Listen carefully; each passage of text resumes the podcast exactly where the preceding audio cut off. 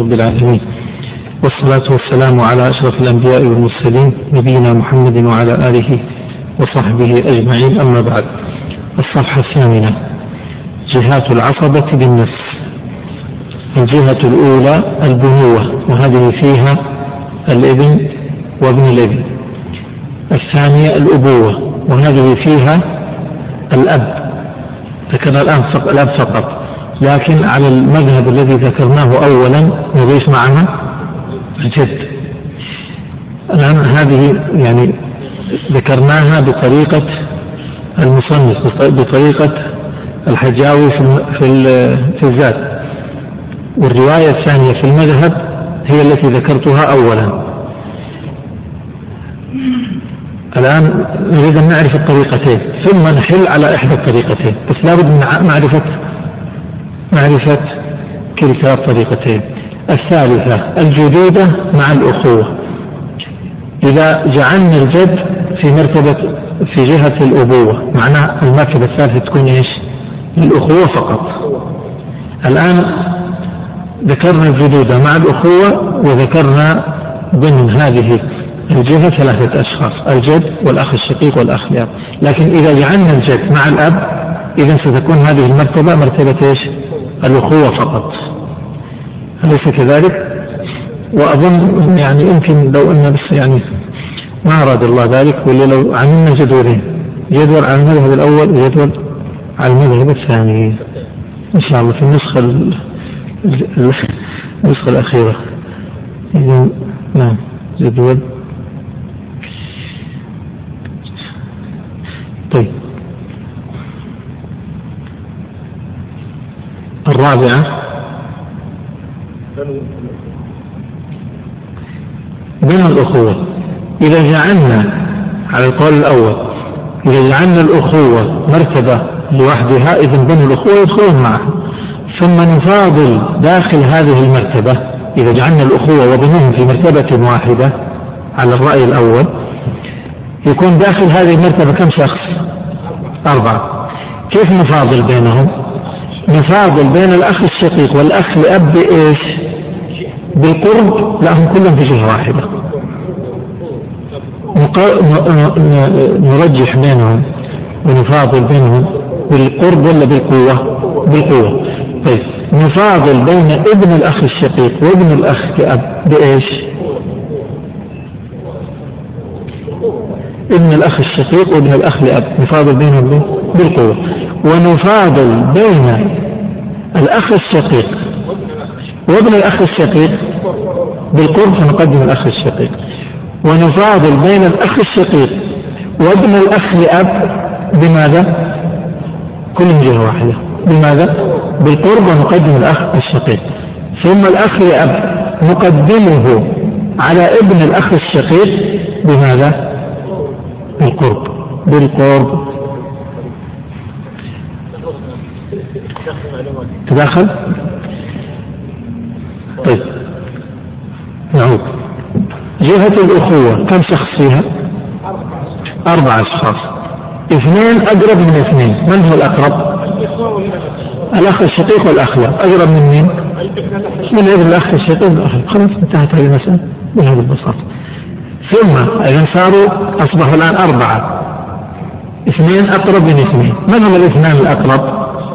الأخ الشقيق والأخ لأب. هذول أقرب نقدمهم على أبناء الإخوة. لكن ما نفاضل بينهم؟ كيف نفاضل بين الأخ الشقيق والأخ لأب؟ نفاضل بالقوة. نقول الشقيق أقوى من الأب. وكذلك ننظر إلى أبناء الإخوة. ابن الأخ الشقيق وابن الأخ لأب. نقول كلهم في منزلة واحدة بدرجة واحدة لكن نفاضل بينهم بالقوة. فهمت الآن؟ المسألة فيصبح الترتيب لو اجتمع الأربعة هذول كلهم اجتمعوا في مسألة واحدة. من يقدم؟ الأخ الشقيق ثم الأخ لأب ثم ابن الشقيق ثم ابن الأخ. واضح الآن المسألة طيب. المرتبة التي تليها العمومة وهذه كم شخص فيها؟ أربعة. فتكون مثل مسألة العموم الأخوة. هؤلاء الأربعة كيف ترتيبهم يكون؟ العم الشقيق ثم العم لأب ثم ابن العم الشقيق ثم العم واضح هذا؟ كيف رتبنا يهمنا أن تعرفوا كيف قدمنا يهمنا أن نعرف ذلك؟ فالآن سؤال. في في المرتبة الخامسة أمامكم. العم الشقيق مقدم عن عم لأب أليس كذلك؟ ممكن ممكن أسألكم أقول قدمناه بإيش؟ بالقوة أعطيك خيارات هنا. بالقوة ولا بالقرب؟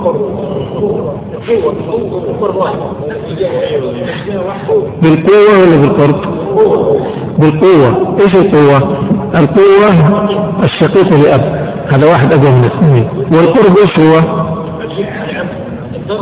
الدرجة. الدرجة. يعني عم وابن عم. في واحد أقرب من من الثاني.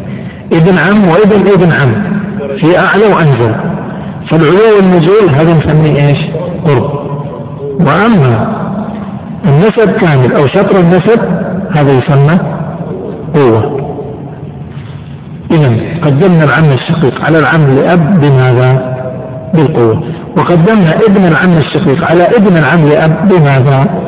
بالقوة وقدمنا العم الشقيق على ابن العم بالقوة وقدمنا العم لأب على ابن العم مطلقا بالقوة واضح هذا؟ السادسة الولاء والولاء فيه اثنان المعتق والمعتقة. هنا ننتقل إلى الأسئلة تمرين الأسئلة. وهذا في صفحة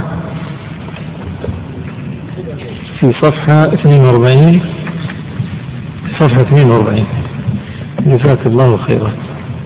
طيب كيف الإجابات؟ يا أخوان ترى لابد من المراجعة.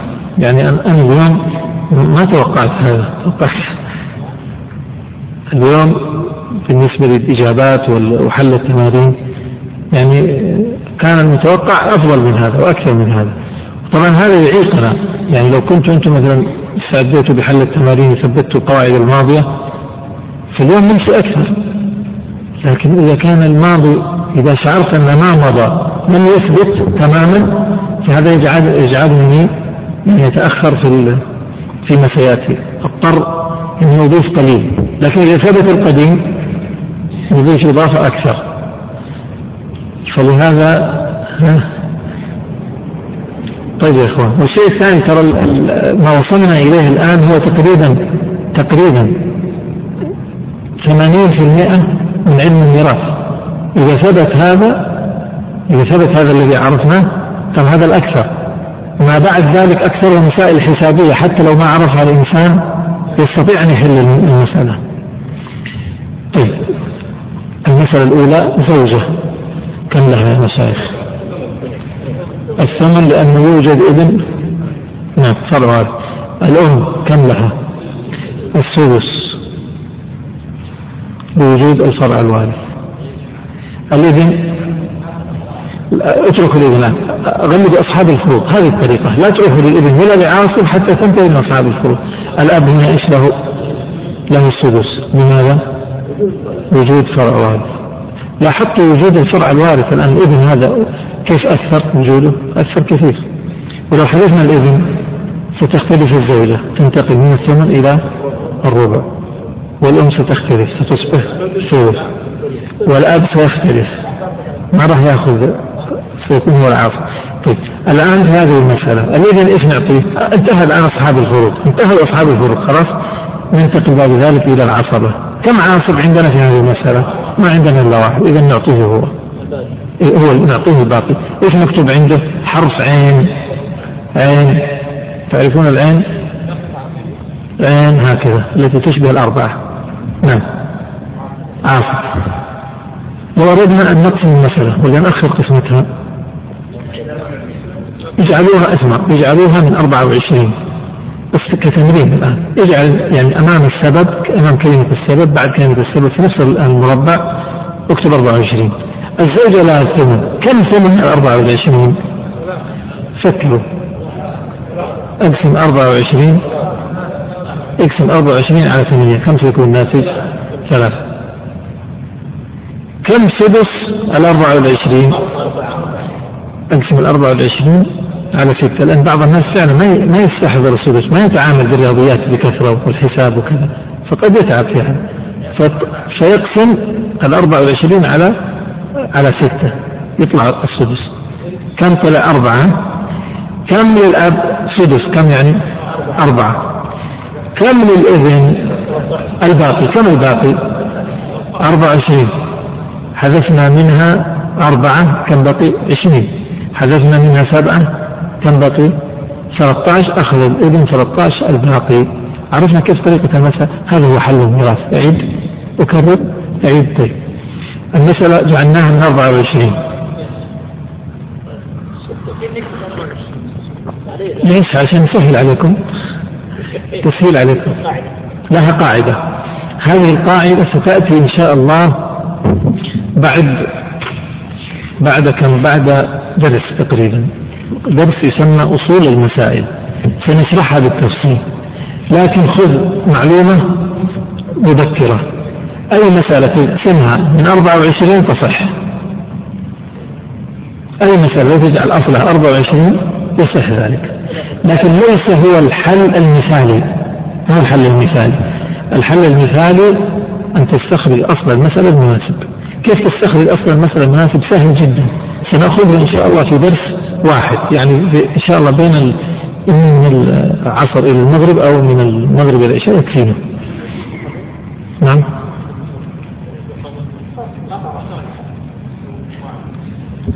من استعجل شيئا قبل أوانه عقب بحرمان اتركوه إلى بعده. لكن أي مسألة تقسمها على 24 فهي صحيحة.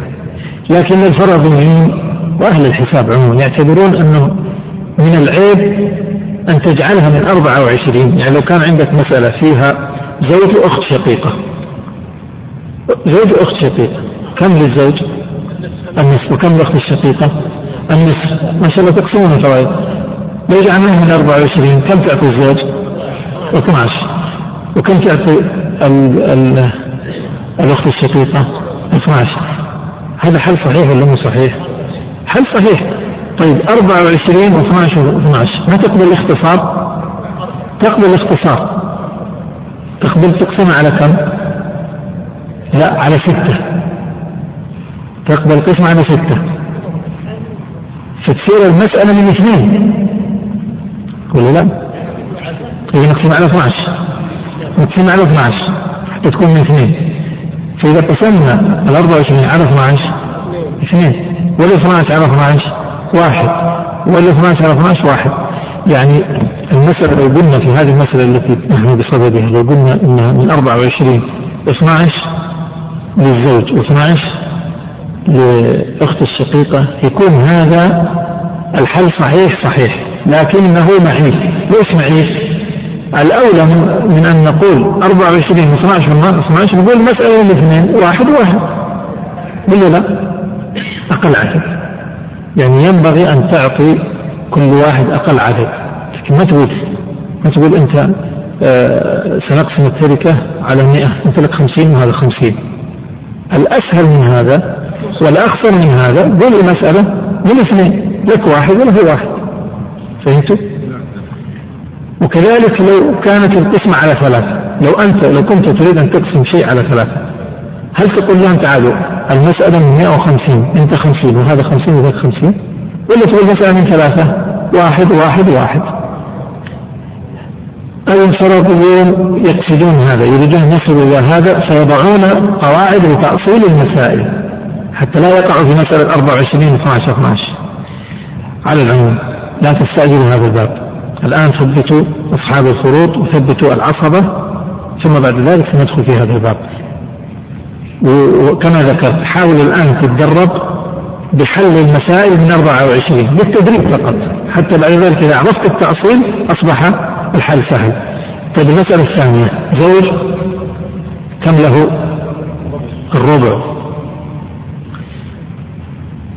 طيب نروح لابن الابن ولا للجد؟ الجد لأنه نبدأ بأصحاب الفروض كم للجد؟ ليس السدس؟ لوجود الفرع طيب ابن الابن ما عندنا إلا عاصب واحد هو ابن الابن فنعطيه نضاعين المسألة نجعلها من كم؟ من أربعة لا لا لا خلينا كتدريب الآن من 24 ولا ما هو الحل الصحيح الحل الأمثل؟ ما أقول ليس صحيحا الحل صحيح لكنه ليس أكمل. 24 الربع كم؟ ستة. والسدس كم؟ أربعة. كم بقي من التركة؟ أربعة عشر. كيف تعرف محلك صحيح؟ لابد أن يكون مجموع السهام يساوي أصل المسألة. 24 يعني إذا قلنا 14 و6 20 و4 24 إذا إذا حل صحيح. تتأكد طيب. المسألة الثالثة. بنت كم لها النصف؟ هل باقي صاحب فرض؟ ما في. الباقي من هم الباقي؟ أخوان شقيقان وأخ لأب إذا كم نوع من العصبة موجود؟ نوعان. اثنين عندنا. أخ لأب وأخ شقيق. لحظة. أول ما نبدأ نتجه إلى الجهة. فننظر هل هؤلاء جميعا في جهة واحدة أم لا؟ إن كانوا إن كان الجواب لا ليسوا في جهة واحدة. سنعطي من؟ سنعطي صاحب الجهة الأقرب. من الجهة الأقرب؟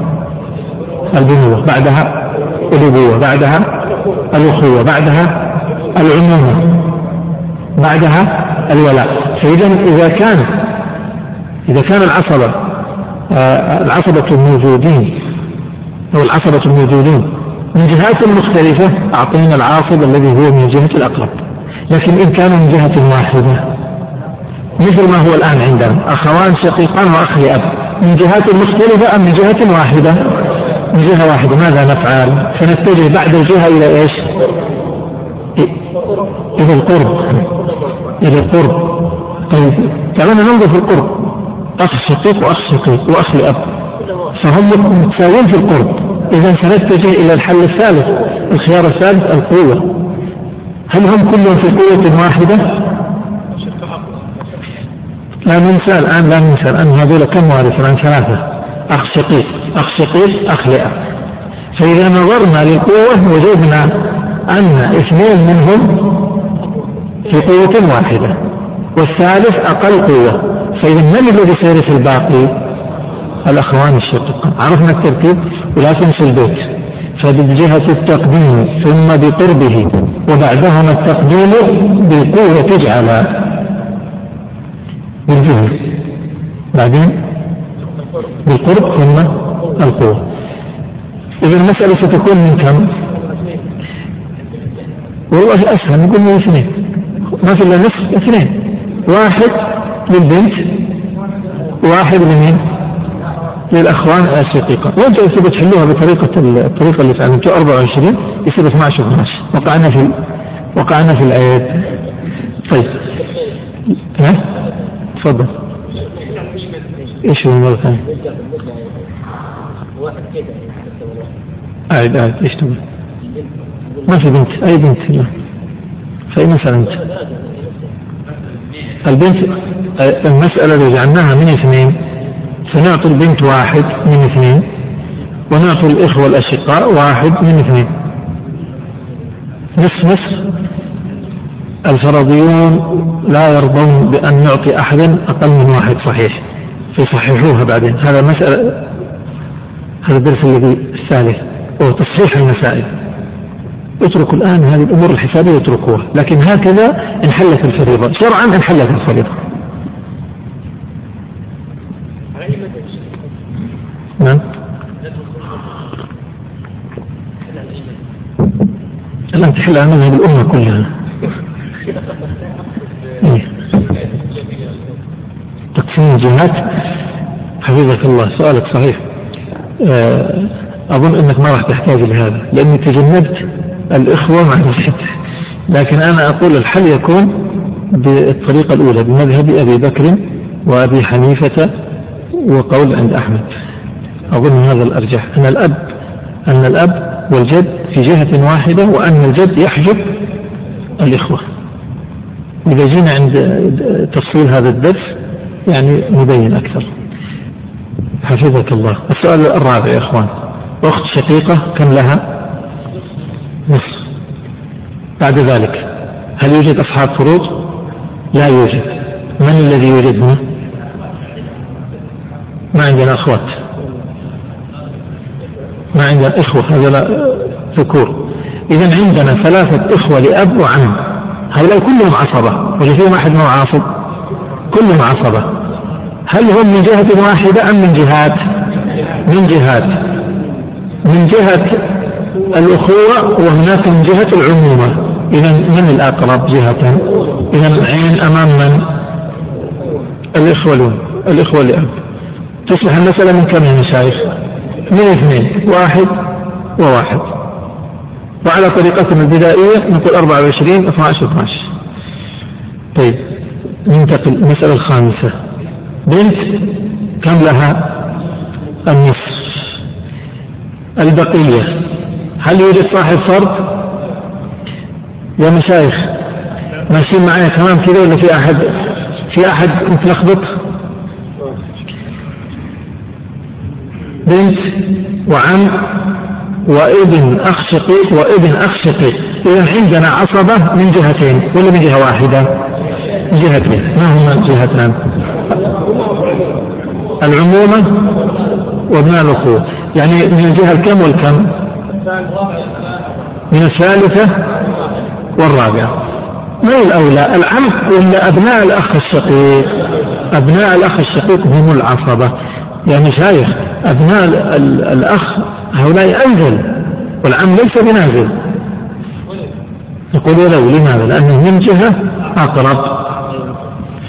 طيب. المسألة السادسة. المسألة يمكن نجعلها من اثنين. واحد. واحد. السادسة. بنت ابن وإيش؟ كم لها هذه؟ نصف. وابن أخ شقيق وابن أخ لأب. إذا عندنا نوعان من العصبة. من جهة واحدة اتحدا في جهة. نبحث عن إيش؟ القرب واحد. كلهم ابن أخ ابن أخ. إذا بقي القوة. هل أحدهما أقوى من الثاني؟ ابن الأخ الشقيق أقوى إذا هو العاصب عين المسألة من اثنين واحد وواحد واضح المسألة هذه؟ طيب هل نحل ولا نقف عند هذا؟ أبغاكم تحلوا واجبات الآن. حلوا واجبات وأتمنى كذلك إذا جيت تحلوا الماضي. خلاص حلوا بهذه الطريقة. حلوا بالعصبة وال, وال... وكل أصحاب الفروض اعتبروها منتهية. طيب ما, ما نبغى نبغى ناخذ درس واحد يعني مسألة واحدة وهم إحنا عرفنا النوع الأول من العصبة العصبة بإيش؟ العصبة بالنفس. العصبة بالغير. العصبة بالغير. لكي نعرف العصبة بالغير افتحوا صفحة ثمانية. صفحة رقم ثمانية. لا أبغى ثمانية. صفحة ثمانية. انظروا في الجدول جهات العصبة. الأولى من؟ البنوة. من فيها؟ الإبن. وابن الإبن. قفوا الآن الإبن عاصب بإيش؟ بالنفس. هذا الإبن له ميزة عن بقية العصبة. الآن العصبة اللي أمامنا عددهم كم قلنا؟ كم عددهم؟ 14 العصبة بالنفس عددهم 14 هؤلاء ال 14 أربعة منهم لهم امتيازات خاصة. من هم وما هي امتيازاتهم؟ أما من هم فالأول منهم من الأربعة. الابن ما هي ميزته الخاصة؟ هذا عاصم بنفسه وإن وجدت معه أخته اسم إيش؟ أخته اسمها إيش؟ بنت. أخته اسمها البنت. فإن وجدت مع الابن بنت كانت عاصبة معه. هو عاصب بنفسه وهي عاصبة به يعني عاصبة بالغير. إذا اكتب عندكم الابن اكتب أمام هذين معكوفتين. البنت. في نفس المربع رقم واحد. مكتوب الابن وبين معكوفتين اكتب بنت. واضح الآن؟ أصبحت المسألة كالتالي.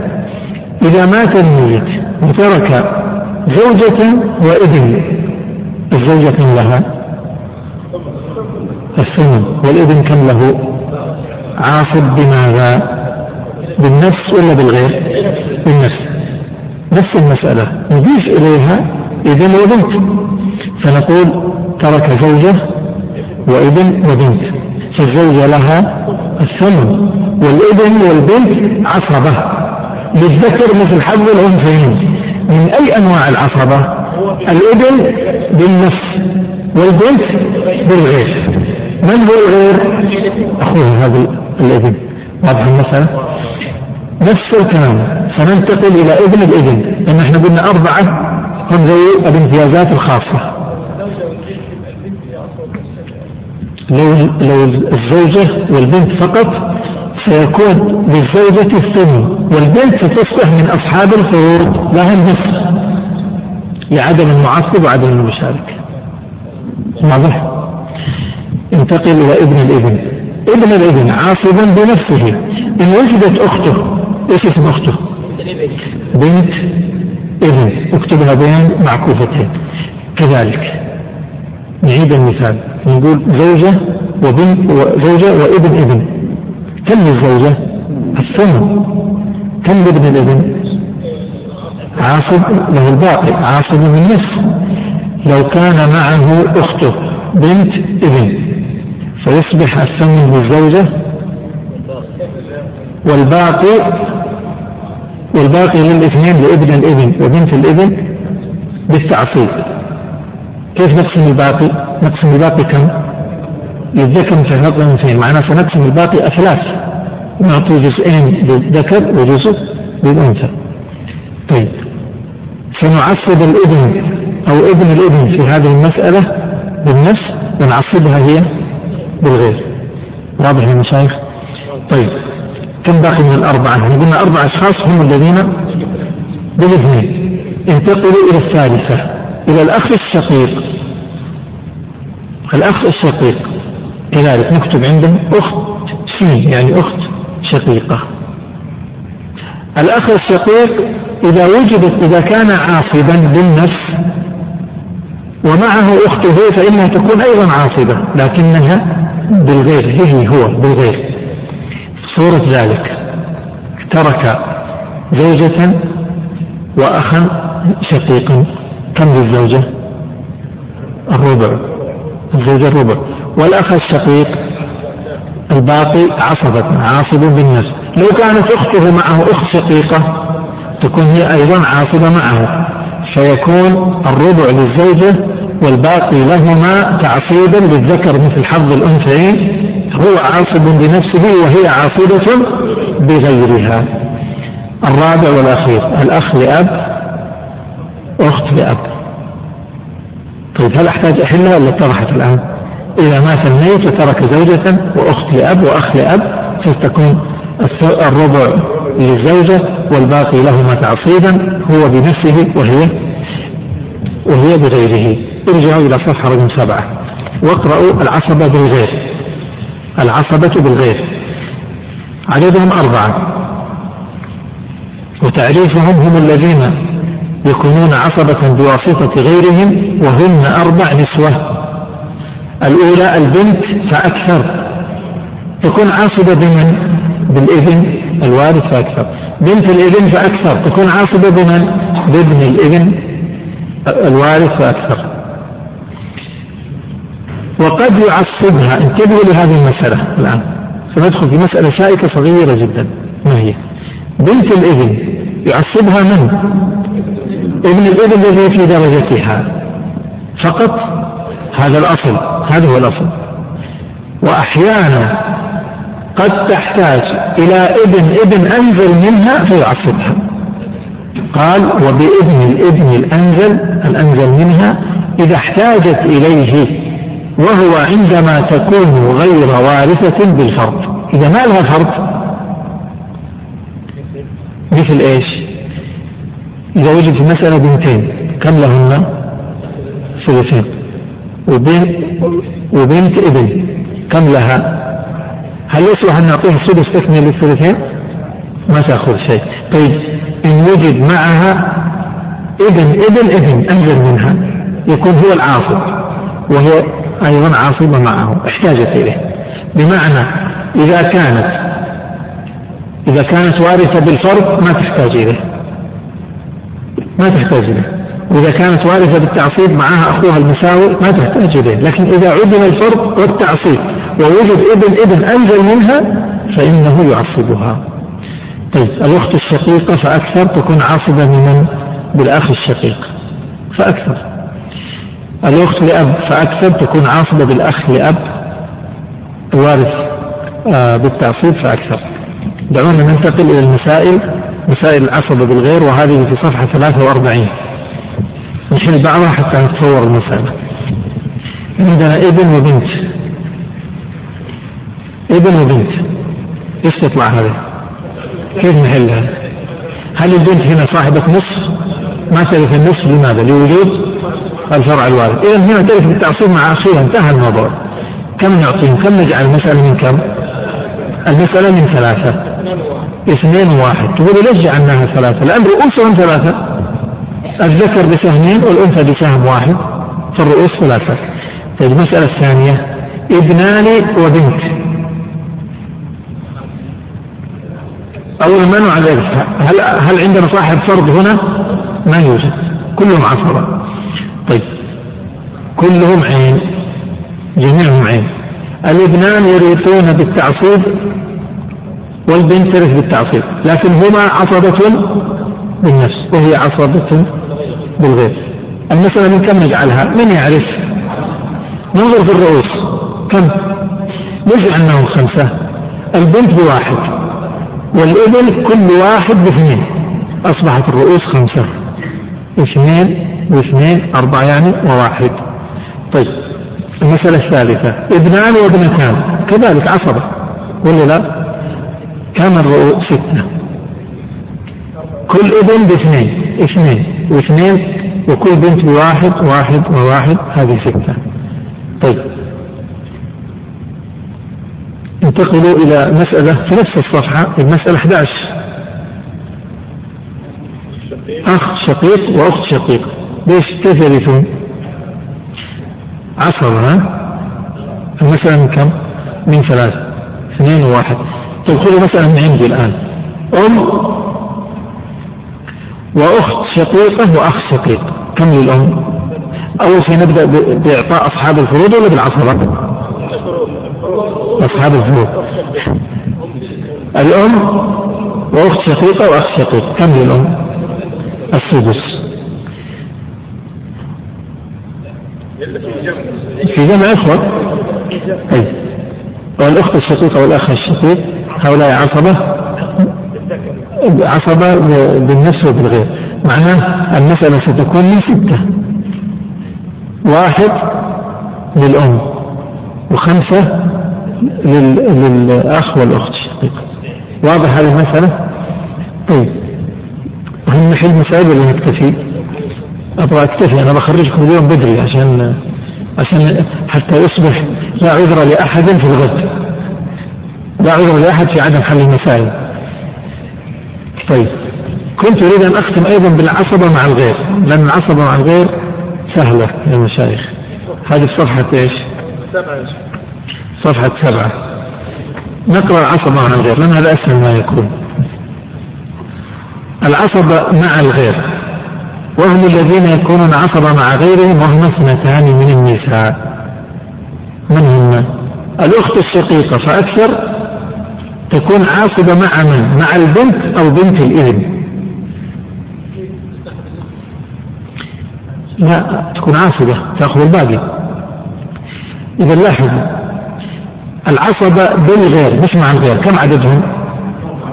أربعة. هؤلاء يكونون عصبة مع من؟ مع مع إخوانهم.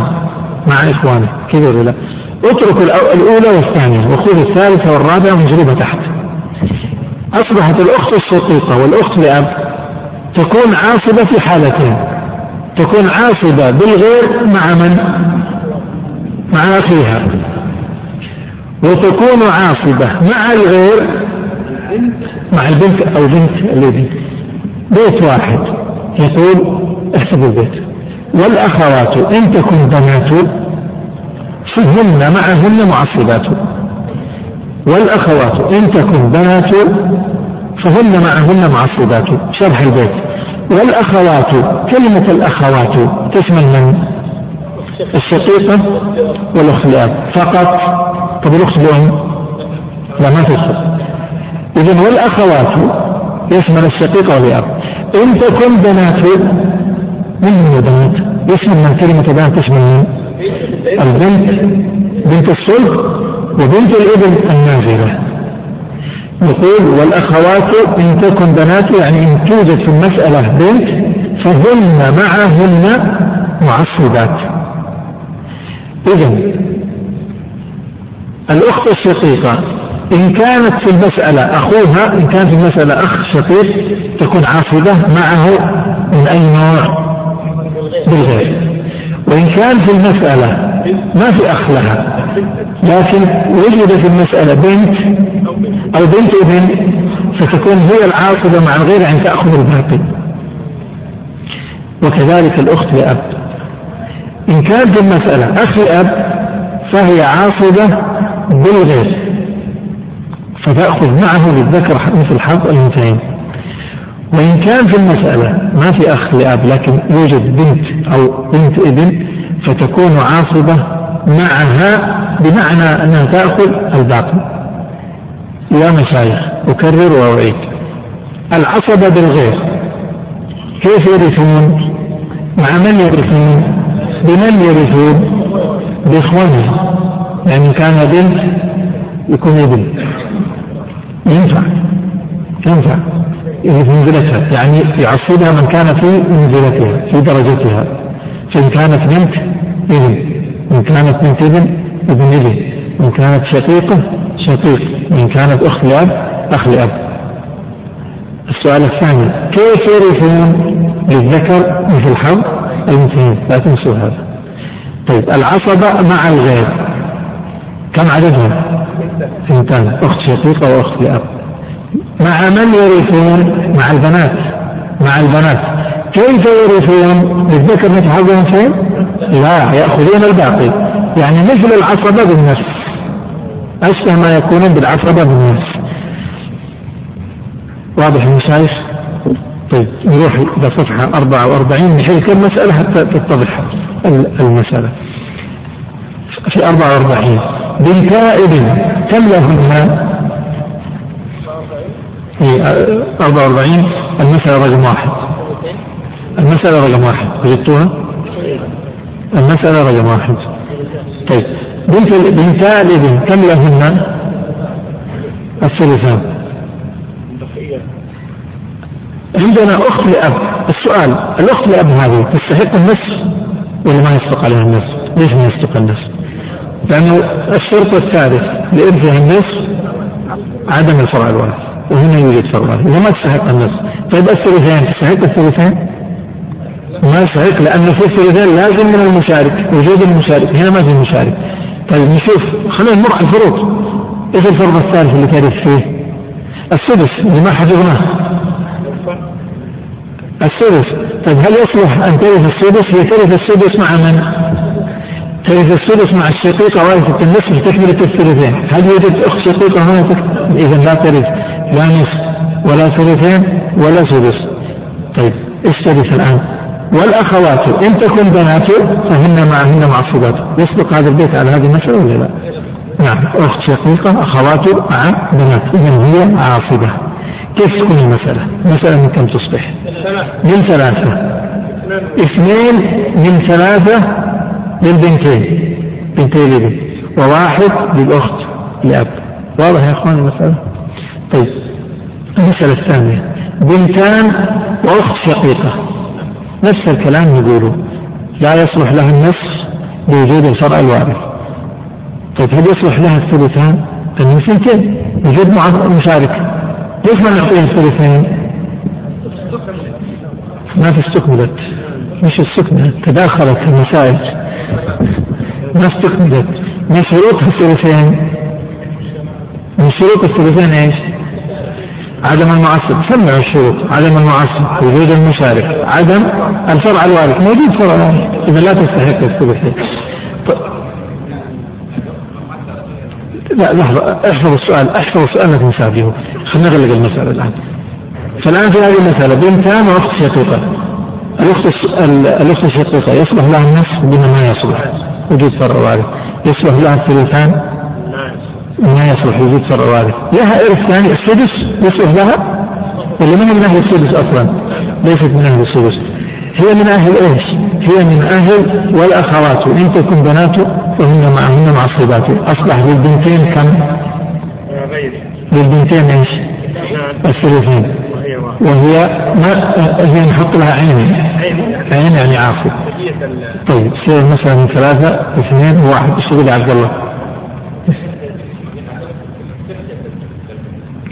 تحجب من إيش؟ تحجب من النصف وتحجب أيضا من أين؟ من الثلثين لكن ما تحجب من العصبة مع مع الغير هي عصبة مع الغير والأخوات إن تكن بناته طيب نحل مسألة ثالثة ولا خلاص نقف؟ طيب نحل الثالثة أعطاكم أنتم تحلوها البنت كم لها؟ النصف بارك الله فيك بنت الابن ليش ما تأخذ شيء؟ ما تاخذ ليش تصدقوا؟ طب مروا أمشوا. في الثلثين. يستحق الثلثين؟ الثلثين؟ عدم المشارك. السدس. نعم. تأخذ السدس تكملة للثلثين. إذا السدس. الأخت الشقيقة الآن. صدق فيها والأخوات إن تكن بنات إذا عصبة. نجعل مثلا من كم المشايخ من ستة على رقم ستة أو تبغى 24 نمشي على 24 هو بالنسبة لكم أوضح أسهل 24 البنت لها النصف كم؟ لا 24 12 وبنت الابن ستة كم السدس؟ أربعة الأخت الشقيقة عاصمة تأخذ الباقي كم الباقي؟ ها؟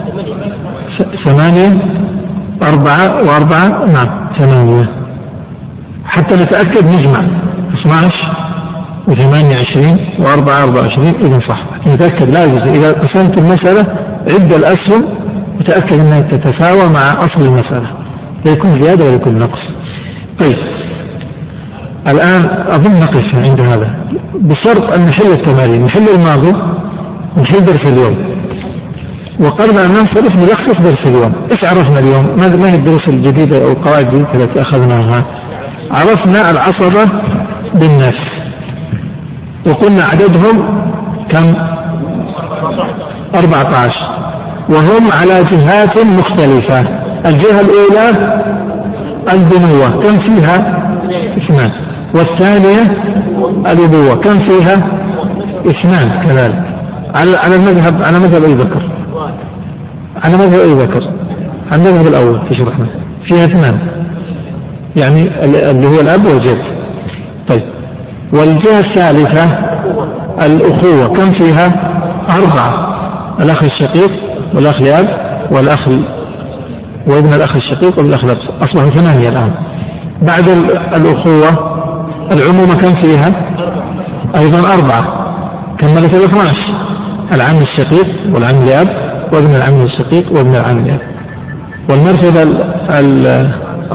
الخامسة الولاء وفيها المعتق والمعتقة. كملوا الآن كم؟ 14 هؤلاء العصبة بالنفس. ونعرف ترتيبهم ولا لا؟ بهذا الترتيب. نستطيع أن نحدد. إذا اجتمعوا كلهم نعرف من هو الذي يرث. ولو حذفنا بعضهم نعرف من الذي يرث. ثم انتقلنا إلى العصبة بالغير. وقلنا العصبة بالغير أربع نسوة. من هن أربع نسوة مع إخوانهم. من هن البنت مع الابن؟ بنت الابن مع ابن الابن. والأخت الشقيقة مع الأخ الشقيق؟ مع مع الأخ لأب. إذا هؤلاء النسوة الأربعة ثنتان منهم من من البنات وثنتان من الأخوات. كيف يرثنا؟ يأخذنا الباقي ولا يأخذنا للذكر مثل حظ الأنثيين؟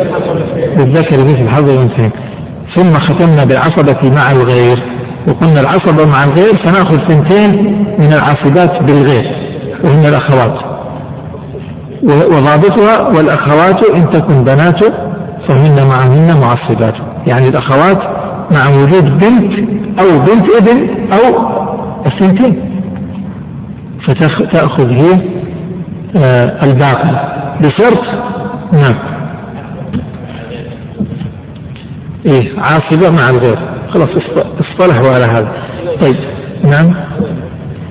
في واجب وش هو الواجب؟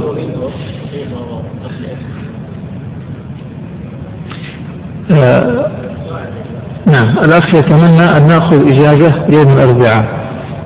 إيه، لأن أكثرنا قد يكون سافر أو مسافر. يا إخوان هذا الطلب أنا أتمنى أن نأخذ إجازة مثلكم. لكن آه، حلوا في الغد وراجعوا. نجعل الإجازة بالستار فقط. الله يجزاه خير. في الغد نتفق على مسألة الإجازة. وصلى الله وسلم وبارك على نبينا. الأخت الشقيقة والأخت الأب فيقول والأخوات يعني الشقيقة أو الأب مع البنات. والأخوات إن تكن بنات. نعم؟ سؤالك. لا ما تدخل. من العصبة الأخت الأم هذه تتراوح بين إيش؟ بين السدس والثلث إن كنا عدد مع توفر الشروط الأخرى وهو عدم الفرع الوارث وعدم الأصل من الذكور ثلث وإن انفردنا تنزل إلى السدس. بس لكن لا تدخل في العصبة. قال والأخوات إن تكن بنات. قول والأخوات يشمل الشقيقة ولأب إن تكن بنات يعني إن تكن في المسألة بنات كلمة بنات تشمل كم؟ ثنتين البنت بنت الصلب وبنت الابن. طيب لو وجدت الثنتين يعني والأخوات إن تكن بنات المقصود يعني الأخوات الأخت الشقيقة أو الأب إن وجدت في المسألة بنت أو بنت ابن أو كلاهما. أو وجدت في المسألة بنت وبنت ابن. وهناك أخت شقيقة تكون هي العاصبة. عاصبة بماذا؟ عاصبة مع الغير. قلنا ينبغي أن نفرق بين العاصب بالغير والعاصب مع الغير فإن العصبة بالغير كيف طريقة إرثهم؟ طريقة إرثهم أنهم يرثون كيف؟ يأخذون باقي المال أم يأخذون للذكر مثل حظ الأنثيين فهم يأخذون نصف الذكر وأما العصبة مع الغير فإنهم يأخذون ما تبقى يعني العصبة مع الغير أشبه ما يكون بمن العصبة بالغير ولا بالنفس بالنفس. هم عصبة كأنهم عصبة بالنفس. واضح ولا لا؟ طيب. ننتقل. نعم تفضل.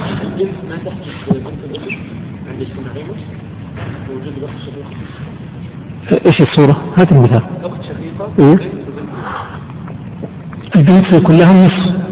وبنت الابن صاحبة السدس تكميل الثلثين. والأخت الشقيقة صدق فيها والأخوات إن تكن بنات. عاصبة مع الغير هكذا طيب لو في إبن. لا لو في إبن تخرج هي نعم لأن القاعدة والأخوات إن تكن بنات يعني بنت وارثة بالفرض أما إذا وجد الذكور فهو العصبة بالنفس هم الإبن هو الأولى هو العاصب يصبح إذا المسألة عندما نقول الأخوات إن تكن بنات يعني بنات ليست معصبات لا يرثن بالتعصيب.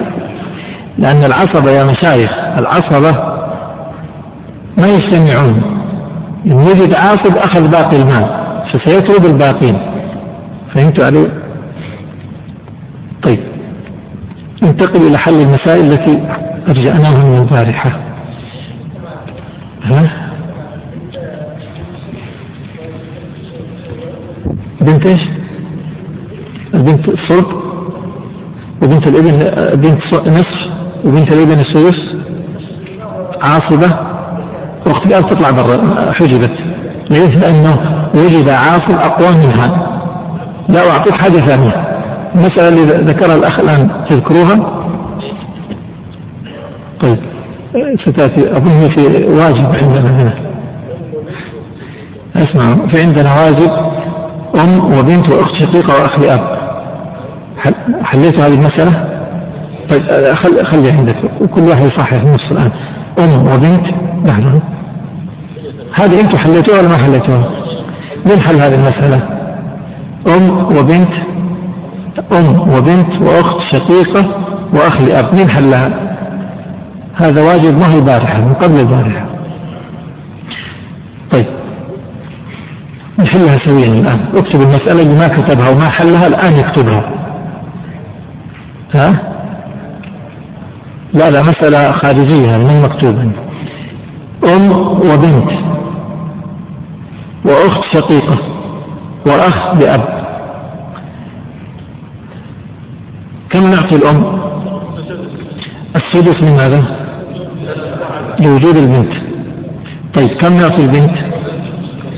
النصف. لحظة والأخت والبنت النصف. الأخت الشقيقة الآن عاصبة كيف؟ يعني عاصبة مع الغير طيب أخ لأب أنا ما أجيب الآن إيش حليتوها؟ إيش أعطيتوه؟ الأخ لأب إيش أعطيتوه في هذه المسألة؟ أحد ورثه منكم؟ ما أحد ورث ولده؟ يعصب مين؟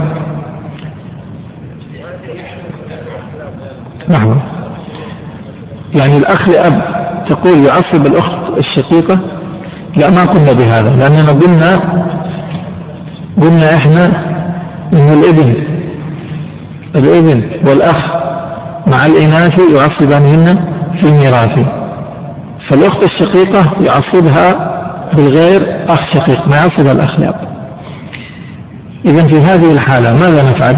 سنعطي الأخت يعني الآن في هذه المسألة. الأم أعطيناها السدس انتهينا من هذا. البنت أعطيناها النصف انتهينا من هذا. بقي في التركة باق نعطيه لمن؟ نعطيه لأقرب عاصب. كم عاصب عندنا الآن في هذه المسألة؟ لا ما هو وقت شقيق اثنين عندنا. عندنا الأخت الشقيقة من العصبة وعندنا الأخ لأب أيضا من العصبة. أليس من العصبة؟ إذا عندنا عاصبان. فأيهما أقرب؟ هذا هو السؤال.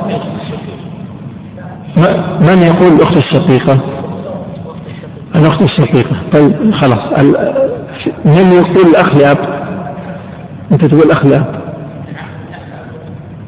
الأخ يقول العاصف بالنفس أقوى. طيب في في خيار ثالث حل ثالث؟ ما هو؟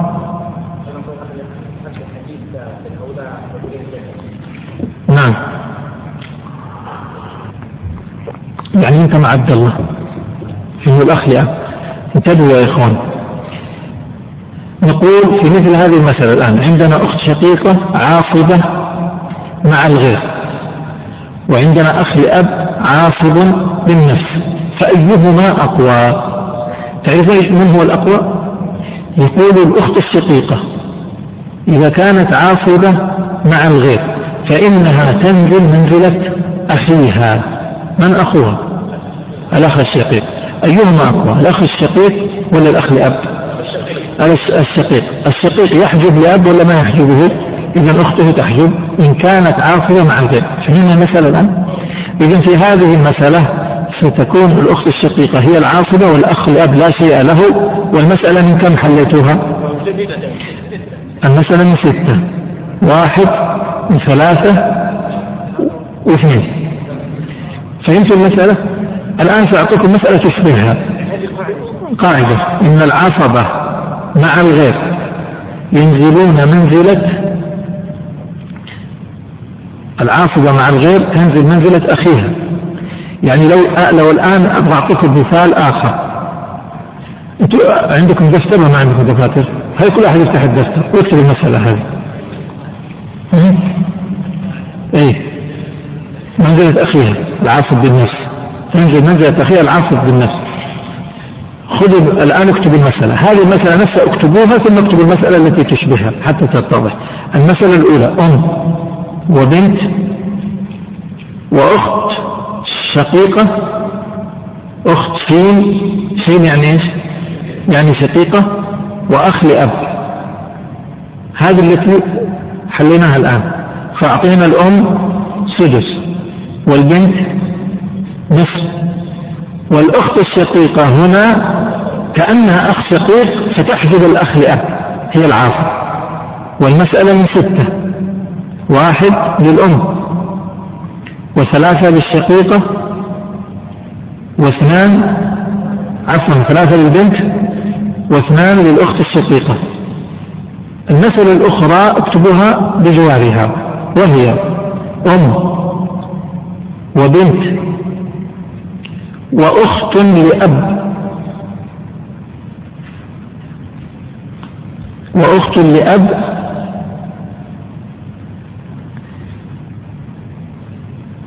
وعم شقيق.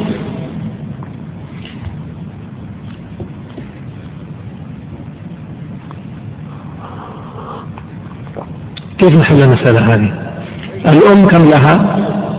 السدس. والبنت؟ النصف. والباقي لأقرب عاصب.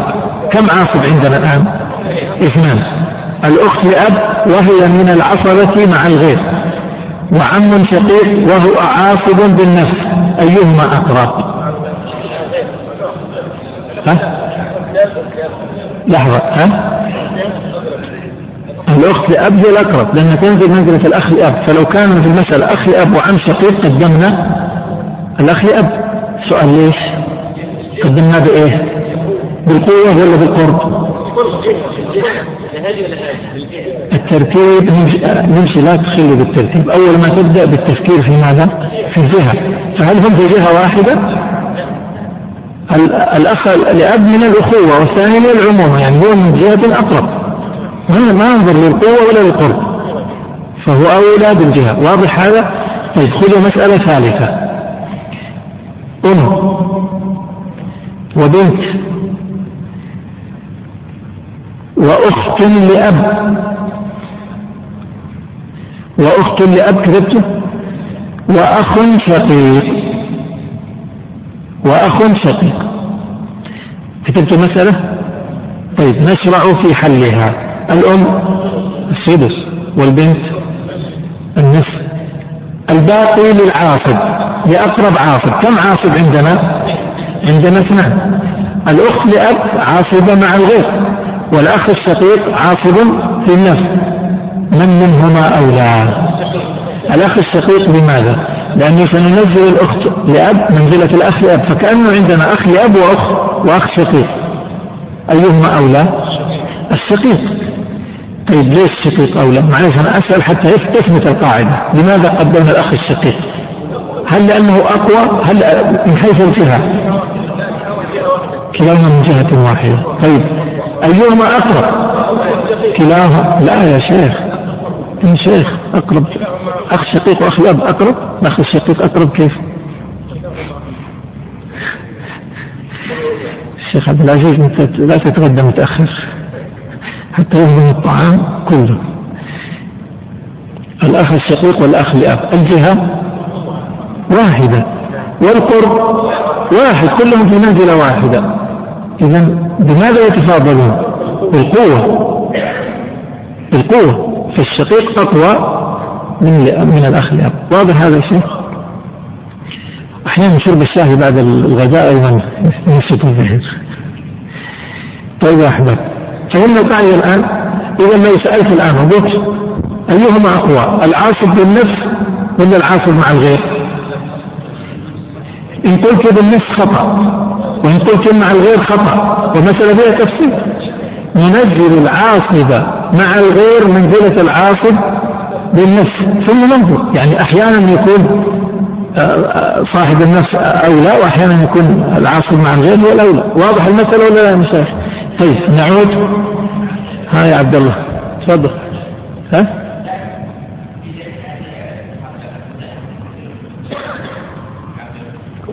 دائما العاصب مع الغير أصلا العاصب مع الغير من هو؟ يعني العاصب العاصبه بالغير إما أخت شقيقة ولا أخت لأب. فننظر في أخيها. من حجبه أخوها من يحجب باخيها يحجب بها. واضح هذا؟ ومن يحجب اخاها يحجبها. بس. ليش ما تكون عاصب بالنفس؟ لأنها عاصب مع الغير. لا ليست عاصب مع النفس. طيب يا مشايخ. ثالث مريم وقفنا عندها. طيب صفحة 42 الصفحة 42 مثل السابعة أختان شقيقتان كم لهن إيش اعطيتوهم مشايخ؟ من حل المسائل؟ من حل المسائل؟ كلها طيب بعضها كلها أو بعضها؟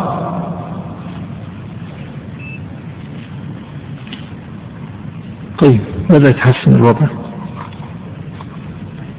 ترى اللي حل المسائل يرفع يرفع يده يعني. لا يحمله التواضع أو الإخلاص على عدم رفع اليد. لأن رفع اليد هذا أنا بالنسبة لي يعطيني مؤشر. المؤشر هذا ما هو؟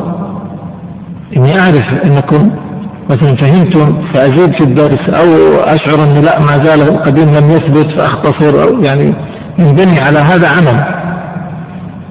وليس فيه رياء لأن لم نعلن أسماء الذين حلوا وأسماء الذين يحلوا المسائل فالله أعلم بهم ما يعرفهم أحد طيب يا مشايخ السابعة أختان شقيقتان كم أعطيتهم؟ ثلثان الباقي لمن؟ الباقي للعصبة أي العصبة أقرب هنا؟ الأخ لأب لإيش؟ قدمناه بإيه؟ كلهم اسمعوا في الجهة كلهم في جهة واحدة بالقرب بالقرب. لأن الأخ أولى من ابن الأقرب من ابن الأخ. فصار الأخ هو العاصر الأخ لأب واضح يا إخوان؟ طيب واللي مو واضح يستوقفني. المسألة الثامنة. ها؟ المسألة الثامنة. إذا شوفوا نضع أمام الأخ لأب حرف عين وابن الأخ الشقيق نضع أمامه إيش؟ علامة خطأ. يعني لا يرث. نحل المسألة. المسألة من كم هنا؟ طيب أقول لكم بالمناسبة يعني ما دام ما فيها إلا فرض واحد نجعل أصل المسألة من صاحب الفرض. ما دام ما فيها إلا فرض واحد. الفرض اللي عندنا هنا كم؟ ثلثان. يعني من ثلاثة. نعتبر المقام وليس البسط. فنضع الثلاثة. صاحب الثلثين كم يأخذ؟ اثنين من ثلاثة. والأخ لأب الباقي واحد وابن الأخ لا شيء. طيب ننتقل. ثلاث أخوات لأب كم لهن؟ الثلثان. الباقي للعصبة. عندنا نوعان من العصبة. أعمام لأب وابن عم شقيق. الجهة واحدة. الجهة واحدة عموما. القرب لا الأعم أقرب من ابن العم. ولاحظوا العم لأب لكن ابن العم شقيق. يعني قد آه، يظن الإنسان لأول وهلة أن ابن العم الشقيق أقرب. لا ليس صحيح. هذا ابن أنزل. الأخ لأب أقرب من ابن الأخ ولو كان شقيقا. فيكون العين عند من؟ عند الأعمام لأب. وابن العم الشقيق علامة خطأ. والمسألة من كم؟ ما دام ما في إلا صاحب فرض واحد نجعل فرضه هو المسألة. المسألة من ثلاثة. اثنان واحد ولا شيء. انتقل. المسألة التاسعة. الأم كم لها؟ تأخذ السدس لماذا من أجل جمع الإخوة. لجمع الإخوة. طيب الباقي لمن؟ لا لا الباقي أمشي يعني بالتفصيل. الباقي يكون لأقرب عاصب. كم عاصب عندنا؟ عندنا إخوة لأب وعندنا عم شقيق وعندنا ابن عم شقيق. ثلاث. من منهم أقرب؟ الإخوة الأب بإيش قدمناه بالجهة والعم وابن العم من جهة تليها. فيكون فليس له لكن لو عدم الإخوة لأب من يكون أقرب؟ العم الشقيق إذا الإخوة لأب نضع حرف العين. والمسألة من كم؟ قلنا إذا كان في المسألة المسألة ليس فيها إلا صاحب فرض واحد فنجعل أصل المسألة منه. ستة. واحد وخمسة للخمسة المسألة العاشرة. الابن وابن الابن والأب والأخوان الشقيقان. كم صاحب فرض عندنا هنا؟ الأب فقط له السدس. لماذا؟ لوجود الفرع الواحد. طيب. الباقي للعصبة. كم عاصب عندنا في هذه المسألة؟ ثلاثة. الابن عاصب. وابن الإبن عاصب معهم من نفس الجهة. والإخوان الشقيقان الأخوان الشقيقان عاصبان من جهة تليها نعطي بمن. سينحصر في الجهة الأولى. الإبن وابن الإبن. أيهما أولى؟ وهم من جهة واحدة. نعطي الإبن لماذا؟ لأنه للقرب ما هو قوة إخواني القوة افهموها. القوة لا تكون إلا بين اثنين شقيق ولأب والقرب يكون في من فيه ابن أو ما فيه ابن أقرب درجة. درجة. نعم درجة. طيب يكون العين لمن الآن؟ العاصب لوجه والباقي خطأ خطأ. أصل المسألة من كم؟ من ستة. واحد للأب وخمسة للإبن. في سؤال؟ طيب المسألة الحادية عشر. أب وجد وأخ شقيق وعم لأب ترى لا تنسوا الآن ترى الآن يعني يكاد نكون وصلنا إلى مرحلة حل المسائل خلاص. يعني ما يأتي بعد ذلك أكثره حساب. ها عندنا صاحب أول شيء أصحاب الفروض نعطيهم. لا, يوجد أبدا؟ طيب أمشي معي شوية.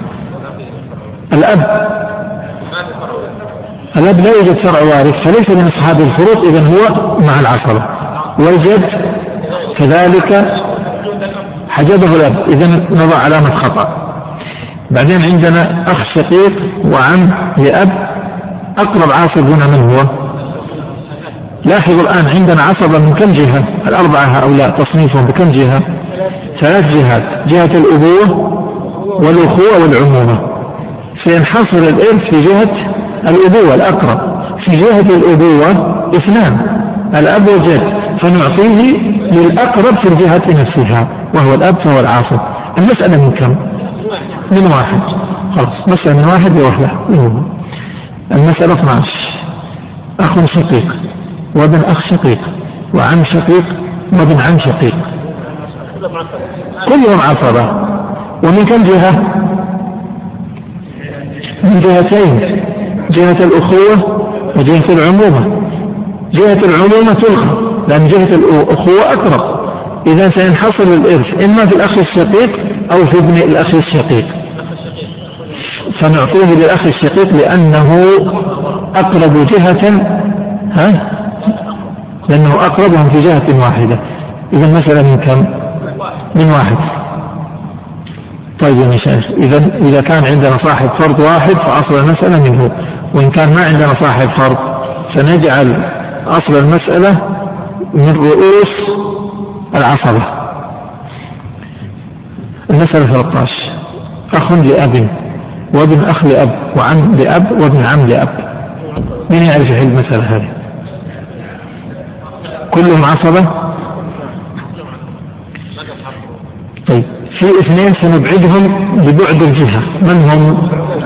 العم وابن العم. وسينحصر الإرث في جهة الأخوة. الأخ لأب أقرب ولا ابن الأخ؟ الأخ لأب فهو العاصب والمسألة من كم؟ من واحد. طيب لو كانوا لو كانوا مثلا ما هو أخ لأب أخوان لأب. ستكون المسألة من من اثنين. لو كانوا ثلاثة من ثلاث. ولو كانوا خمسة من خمسة وهكذا. طيب. نكمل. الأربعة عشر. نعم. لا هي حدد نعم. في كسر؟ إيه نصححها لكن الآن ما أخذ هذا التصحيح آه، في مسألة. لا لحظة اثنين والثلاثة لا ما تكون تسعة. ستكون اثنين وثلاثة ستة في ثلاثة ثمانية عشر تصبح ثمانية عشر. صحيح من ثمانية عشر. سنأتي على التصحيح إن شاء الله. نعم. مثل 14 كيف؟ مثال إيش؟ مثال رقم كم؟ اللي كتبتوها؟ الأم والبنت وإيش؟ وأخت لأب وعن شقيقين كيف؟ لوجود البنت. بنت.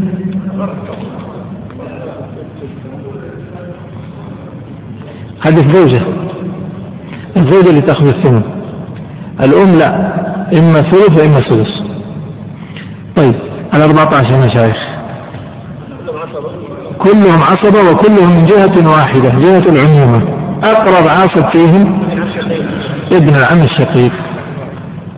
من واحد. لو كانوا اثنان لو كانوا اثنين نجعلها من اثنين. هي واحد واحد. طيب نكمل. المسألة 15 فالانتهى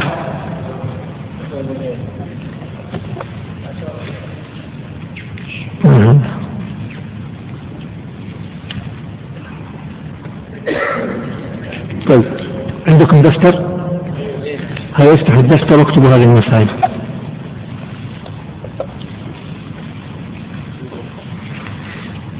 عم شقيق وعم لأب. وابن عم شقيق وابن عم لأب. وعم لأب.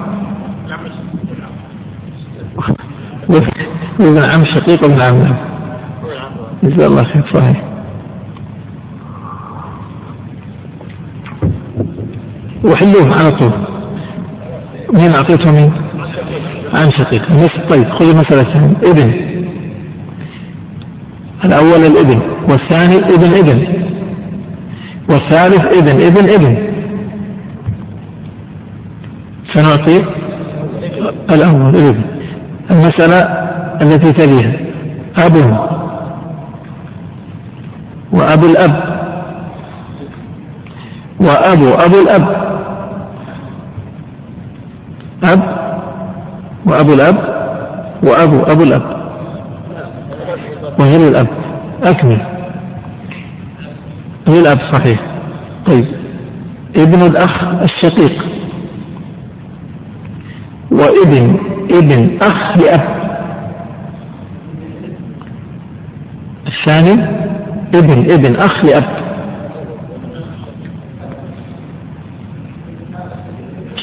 الأول تقول الثاني الأول ابن أخ شقيق ثلاث كلمات. ابن أخ شقيق والثاني ابن ابن أخ لأب. تعطي من الأم طيب أعطينا ليش؟ لأنه شقيق وذاك لأب. يعني أعطينا بالقوة ولا بالقرب؟ بالقرب. بالقرب. المسألة الثانية. ابن أخ لأب. ثلاث كلمات. ابن أخ لأب. والثاني ابن. ابن أخ شقيق. أخ شين. طيب أعطينا الأول اللي هو ابن الأخ لأب. مع أن الثاني شقيق. فبأي على أي أساس قدمنا؟ بالقرب. ولا نلجأ للقوة إلا مع اتحاد القرب. المسألة التي تليها ابن عم لأب وابن ابن عم شقيق.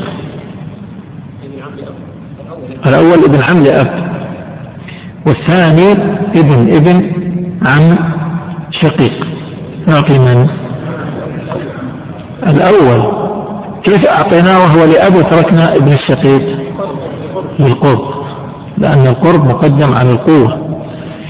طيب نعود إلى صفحة 34 43 أبشر. صفحة 43 المسألة الأولى الآن هذه مسائل على إيش يا إخوان؟ العصبة بالغير. حليت الأولى الابن والبنت كم أعطيناهم؟ كلهم عين عين. المسألة من كم؟ أي مسألة؟ جد مع مين؟ الجد مع الإخوة؟ ما فيه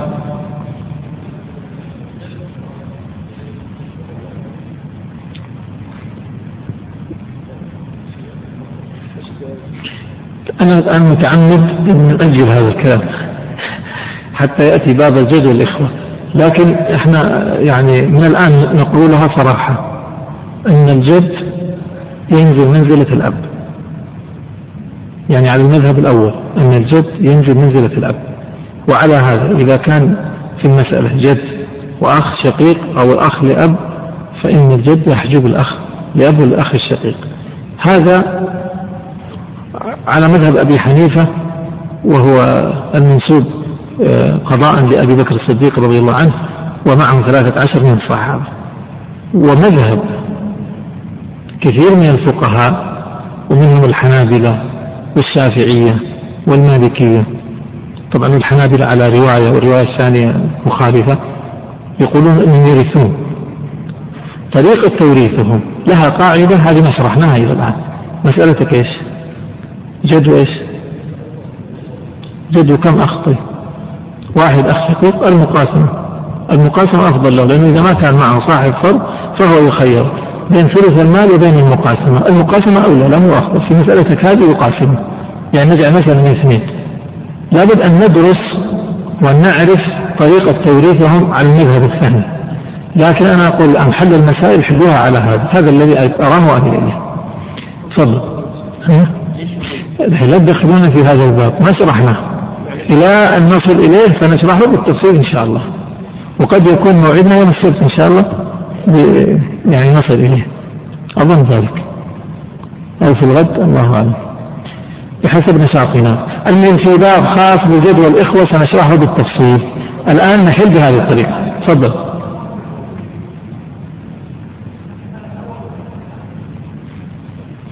بهذا وذاك. بعضهم يعمل بهذا وبعضهم يعمل بذاك. تقصد في المحاكم يعني بعضهم يقضي بهذا وبعضهم بذاك. طيب أكمل. أي مسألة الآن إحنا؟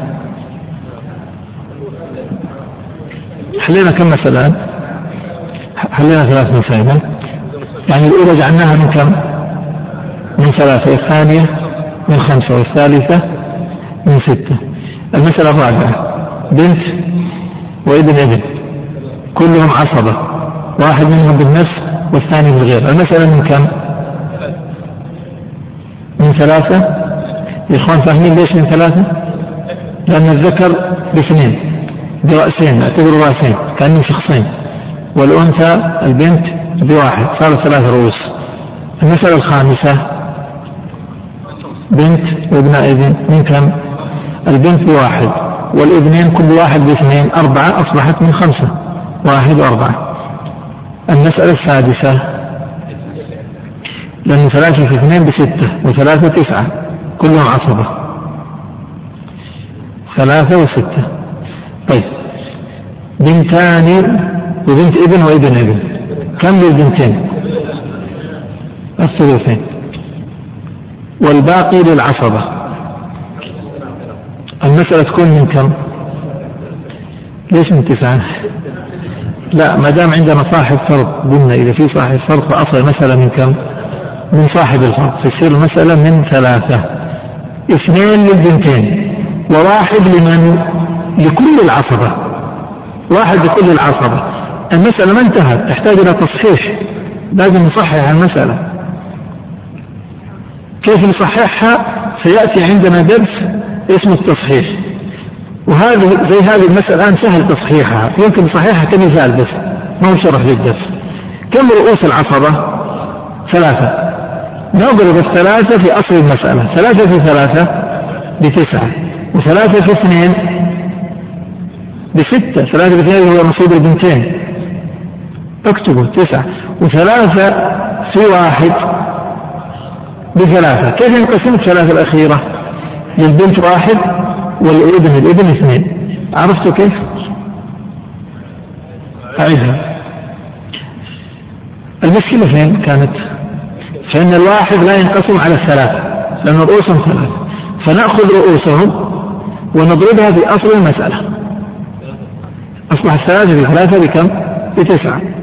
كتبت التسعة الثلاثة إذا ضربناها في أسفل المسألة أيضا نضربها في سهام أصحاب الفروض أصحاب الوارثين فثلاثة نضربها في الاثنين بكم؟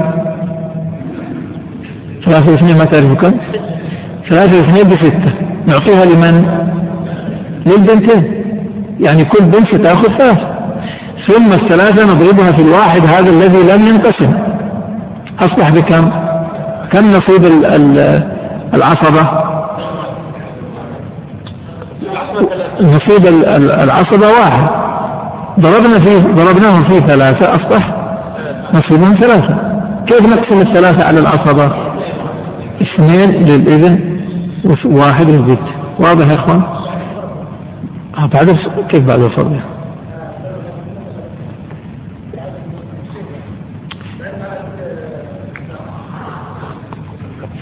إحنا مشكلتنا ما عندنا سبورة. يعني انظر الآن في المسألة. المسألة قبل التصحيح كم كانت؟ أصلها كم؟ أصلها كم كانت ثلاثة. وتحتها للبنتين كم؟ اثنين. أصل المسألة يا إخوان من ثلاثة. البنت كم لها؟ البنتان كم لهما؟ لهم كم, كم من ثلاثة؟ اثنين. مكتوب هذا أمامكم؟ وللعصبة كلهم كم؟ واحد. ثم ضربنا رؤوس العصبة في أصل المسألة.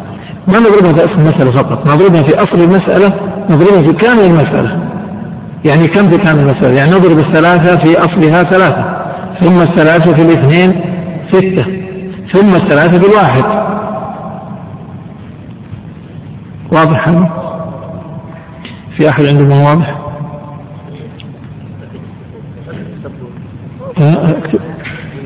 لما نجي درس التصحيح خلاص. أنا ظنيت أنها سهلة يعني قلت. ورطنا فيها طيب يا إخوان ما يبغى لها كلام الآن أسمع المسألة المسألة تقسيمها كيف؟ أصل المسألة ثلاثة وتحتها أنتم إيش كتبت؟ اقروا مكتوب عندكم ثلاثة تحتها كم؟ تحتها كم؟ أصل المسألة من كم؟ كتبت كذا ثلاثة وش كتبتوا تحتها قدام البنتين كتبتوا اثنين جاءت السبورة محمد قوم يا شيخ.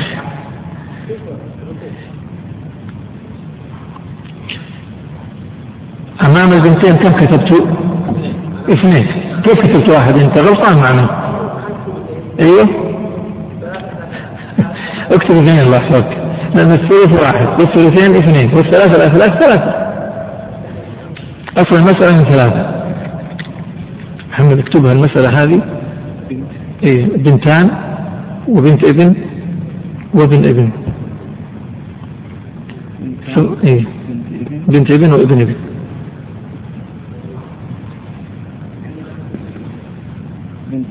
وابن ابن. وابن ابن. واصل المسألة سوي أصل المسألة من ثلاثة.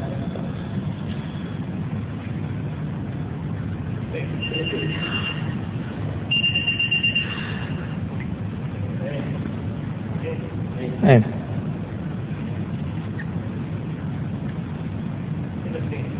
اثنين اثنين.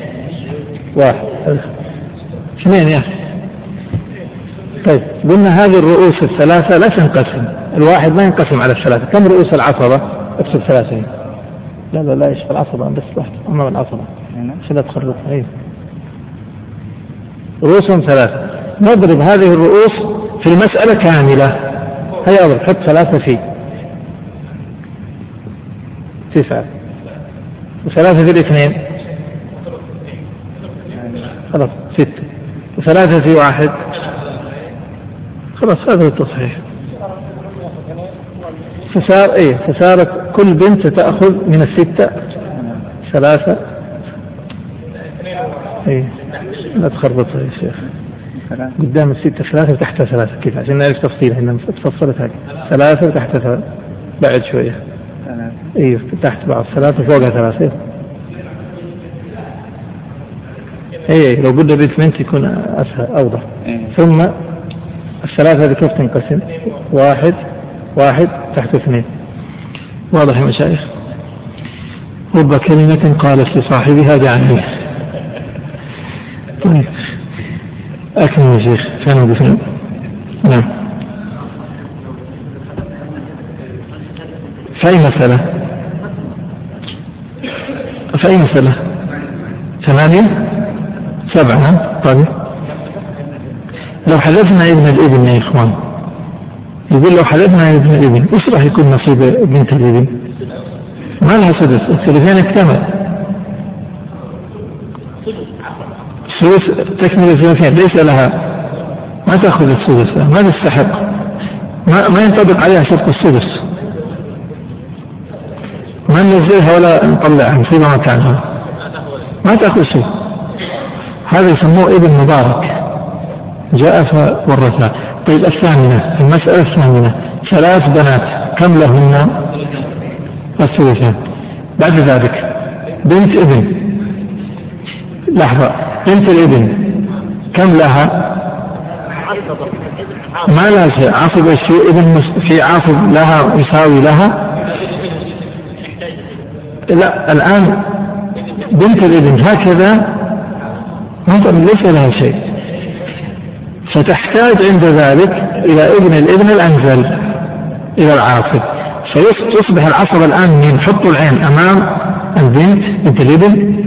وابن الابن الذي تحته وبنت الإبن وبنت ابن الابن يعني ثلاثة أصبح ابن ابن الإبن يعصب أخته التي في منزلته وعمته التي أعلى منه عصب من كان في منزلته وعصب الأعلى منه لماذا؟ لأنها احتاجت إليه عرفت الآن؟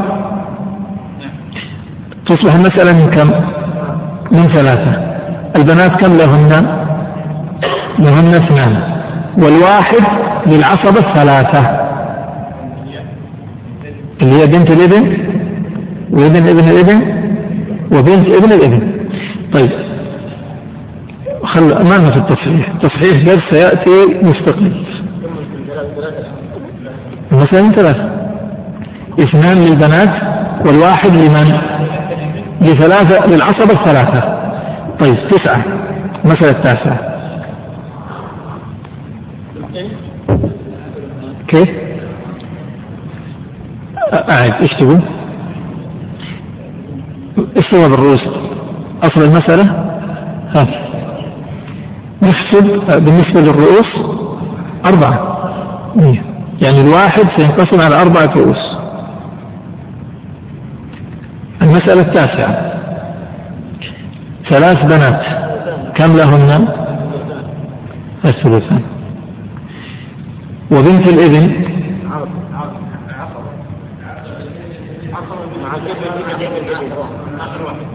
مع الأخير.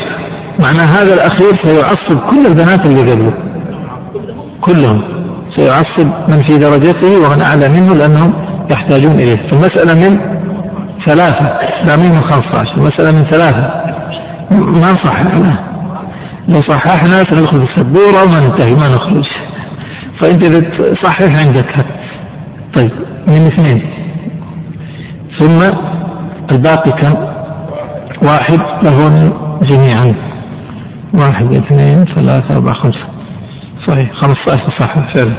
طيب بعدها المسألة العاشرة كم للبنت؟ النصف. بنت الابن السدس تكملة للثلثين. الباقي للعصبة. أين العصبة؟ الابن ابن الإبن هذا الأول والعاصب بالنفس وبنت ابن الإبن عاصبة بالغير؟ طيب والأخيرة؟ البنت الأخيرة؟ لا شيء لها. المسألة من كم؟ طيب اثنين وستة. عندنا أصحاب الفروض اثنين وستة. الاثنين تدخل في الستة. تدخل فيها ولا لا؟ تدخل فيها. والمقصود تدخل فيها يعني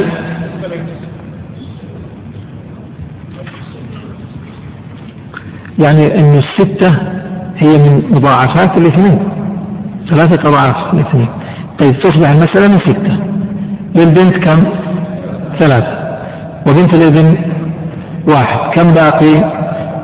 بقي اثنان للعصبة انتقلوا إلى المسألة الحادية عشر. في إشكال إلى الآن؟ إذا في إشكال اسألوني. طيب أكرم. 11 المسألة نعم إيش السؤال؟ في سؤال لحظة في سؤال في في, في سؤال فيما مضى؟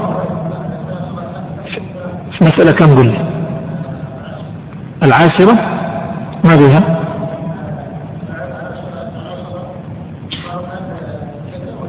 أيوه فقط. رؤوس ثلاث تبي تصحح يعني؟ التركة اثنين إيه، ما تنقسم عليها إيش إيش ها؟ اي طبعا لازم نصحح هنا نصححها نصححها بضرب الرؤوس في المسألة نضرب الثلاثة في أصل المسألة طيب إيش السؤال يا شيخ؟ نعم. إيه؟ براسين اثنين لأنه لأنه سيرثون للذكر مثل الأنثيين طيب المسألة 11 أخ شقيق وأخت شقيقة كلهم هذه 11 نعم. من ستة. قبل التصحيح. تبغى بعد التصحيح؟ إذا بعد التصحيح وهذا يعني بيني وبينك لا يسمعه أحد. ثلاثة. نضرب الرؤوس ثلاثة ستة. المسألة مسألة 11 أخ شقيق وأخت شقيقة عصب المسألة من كم؟ طيب هل تعرفون العصبة هذا الأخ الشقيق عاصب بماذا؟ بالنفس والأخت الشقيقة بالغير ولا مع الغير؟ بالغير إذا مسألة من ثلاثة اثنان واحد مسألة 12 الأخ الشقيق واختان شقيقتان كلهم عصبة أصل المسألة من كم؟ من رؤوسهم كم رؤوسهم؟ أربعة الأخ الشقيق كم له؟ اثنان والأختان اثنان. المسألة 13 أخوان شقيقان وأخت شقيقة كلهم عصبة عين عين. المسألة من كم؟ المسألة من خمسة. ليش من خمسة؟ لأن الأخوان الشقيقان بأربعة والأخت الشقيقة بواحد. الأربعة عشر. أخ لأب وأخت لأب. كلهم عصبة. كم المسألة تكون؟ من ثلاثة اثنين وواحد. تفضل. لا تقول لي هذه قول لي رقم المسألة. 14 نعم. آه الأخ لأب عاصب بالنفس والأخت لأب عاصبة بالغير والعاصبة بالغير عددهم كم؟ منهم اثنين. توفى شوية. أربعة. من هم؟ الإبن والأخ. مع الإناث يعصبانهن في الميراث طيب 15 كلهم عصبة والمسألة من كم؟ من أربعة. الأخ كم له؟ اثنان. والأختان؟ واحد واحد. اثنان. المسألة 16 كلهم عصبة المسألة من كم؟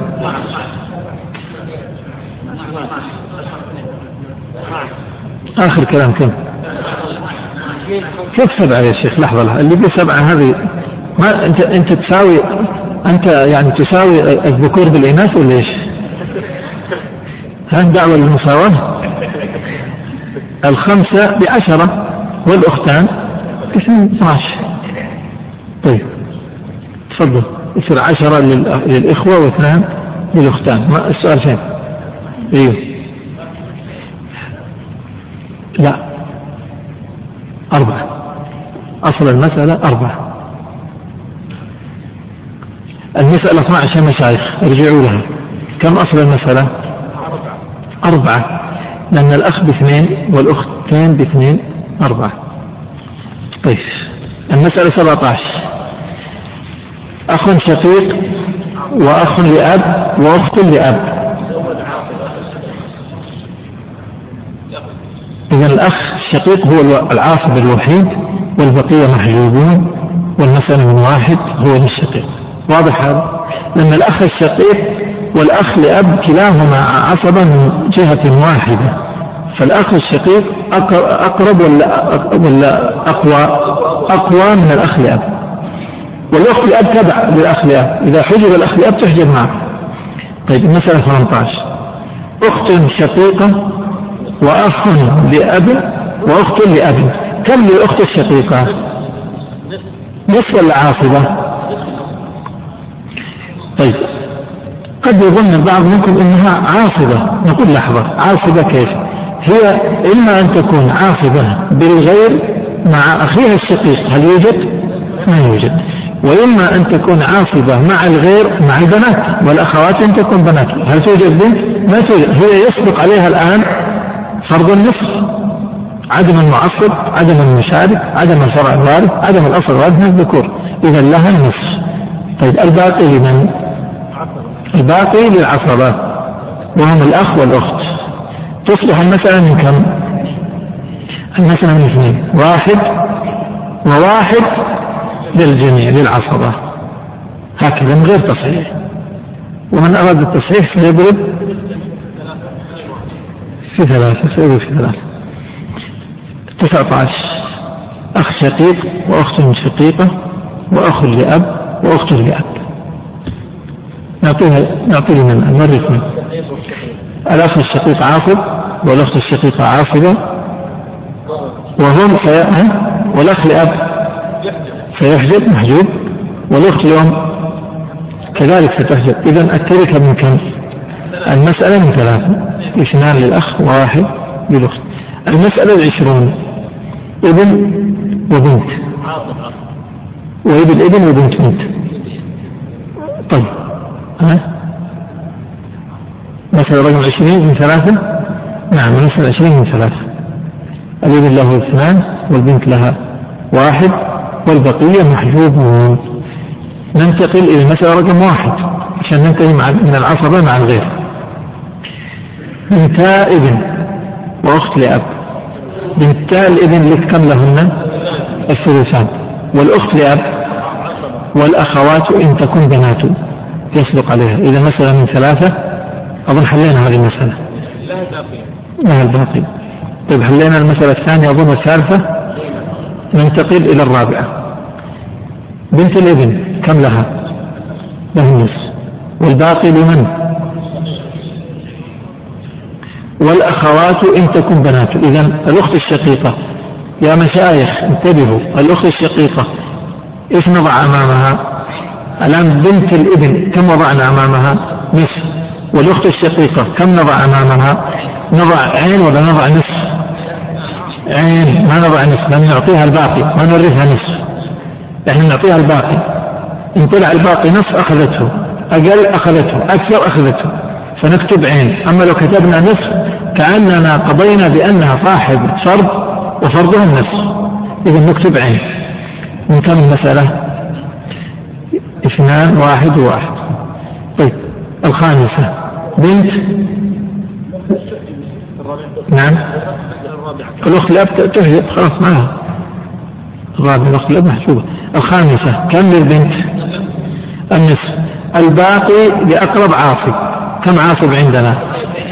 أخت شقيقة وأخ لأب أيهما أقرب؟ ترى هذه حليناها قبل قليل. الأخت الشقيقة تنزل منزلة أخيها كأنه عندنا أخ شقيق وأخ لأب. الأولى الشقيق. فإذا المسألة من اثنين البنت والشقيقة واحد. المسألة السادسة البنت كم لها؟ النصف. ثم أخت شقيقة وابن أخ شقيق. الشقيقة هي العاصبة وأما ابن الأخ كأنه عندنا أخ شقيق وابن أخ شقيق. سنعطي الأخ الشقيق. فالمسألة من اثنين واحد وواحد. السابعة البنت لها النصف والأخ لأب والأخت لأب. كم لهم؟ هذول الاثنين كلهم عصبة فالمسألة من اثنين واحد وواحد للعصبة تصحح تضربها في ثلاثة المسألة الثامنة. بنت الابن كم لها نصف؟ الأخت لأب وابن الأخ الشقيق. هؤلاء عصبة. أي العصبتين أقرب؟ الأخت لأب هي العين هي العصب. إنها أقرب. يصير من اثنين واحد وواحد. المسألة التاسعة. بنت وابن وأخت شقيقة وأخت لأب. إذا ستكون مثلا الآن عصبة بالغير عصبة بالنفس وبالغير الابن والبنت فقط. أما الأخت والأخت ستحجب المسألة من كم؟ من ثلاث البنت لها واحد والابن له له اثنان. نعم. الأخوات أن تكون بنات فقط مش بنات مع ابن إن وجد ابن. عاشرة بنت ابن وابن ابن وأخت وأخت. ما عندنا عندنا عصبة كثير بنت الابن مع ابن الابن عاصبة بالغير والبقية محجوبين. فالمسألة من كم أصبحت؟ من ثلاثة. واحد لا واحد اثنين. المسألة الحادية عشر. بنت وبنت ابن. كم للبنت؟ النصف. وكم لبنت الابن؟ السدس تكملة للثلثين. الباقي لمن؟ لأقرب عاصب من هو؟ هنا الأخ الشقيق. تصبح مثلا من كم يا مشايخ؟ الاثنين تدخل في الستة. تداخل. ستة. ثلاثة. واحد. واثنان المسألة الثانية عشر. البنتان كم لهن؟ الثلثان. الأخت الشقيقة والأخت لأب والعم الشقيقة. ترى ثلاثة عصبة عندنا هنا أيهم أقرب؟ الأخت الشقيقة هي الأقرب.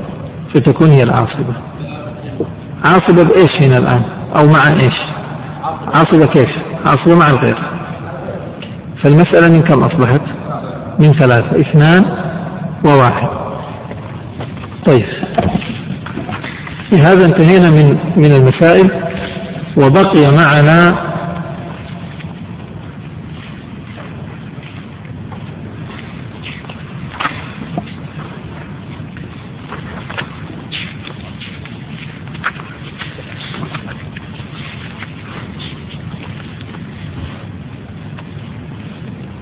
سنذهب إلى الصفحة إلى صفحة صفحة ثمانية إيش فيها؟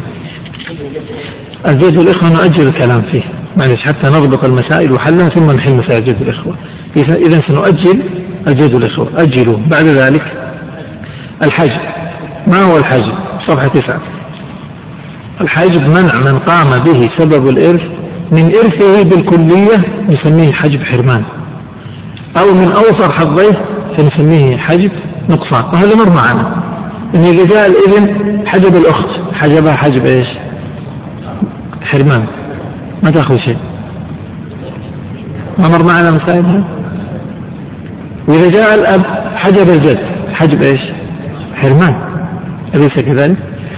ونقول في الأم إن جاء الإبن الأم من غير إبن ترث الثلث. بوجود الإبن ترث السدس هذا نسميه حجب نقصان نبغى مثال آخر. أعطوني أنتم الأمثلة الآن. للنقصان بارك الله فيك. الأخت الأم إن وجد جمع من الإخوة أصابها حجب إيش؟ نقصان من الثلث إلى السدس إيش غيره؟ لحظة لحظة واحدة. الجدة إن وجدت الأم حجبت حجب حرمان. هاتوا غيره. خلينا في حجب الحرمان الآن. أعطونا أمثلة لحجب الحرمان فقط. أعملوا الأذهان حتى تستخرجوا أمثلة لحجب الحرمان. الأخت لأب إن وجدت الشقيقة لحظة هذا المثال صحيح؟ الأخت الشقيقة ستأخذ النصف والأخت لأب تأخذ الثلث تكمل الثلثين. ما هي حلوة؟ هات. الأختان الشقيقتان إذا وجدنا حجبنا الأخت لأب حاجب حرمان هات. ها؟ الأخ لأم ما به؟ إن وجد الأب حجب حرمانا. وإن وجد الإبن حجب حرمانا وإن وجدت البنت حجب حرمانا وإن وجد ابن الإبن حجب حرمانا وبنت الإبن يحجب حرمانا وإن وجد الجد حجب حرمانا. طيب هات النقصان الآن. هاتوا أمثلة لحجب النقصان. الزوج خلينا مع الزوج الآن. إيه؟ إذا وجد الفرع الوارث حجب حجب إيش؟ نقصانا من إلى الربع.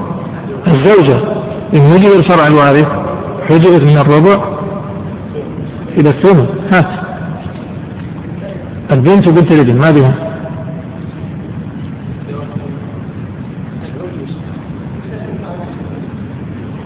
لحظة خلينا نسمع.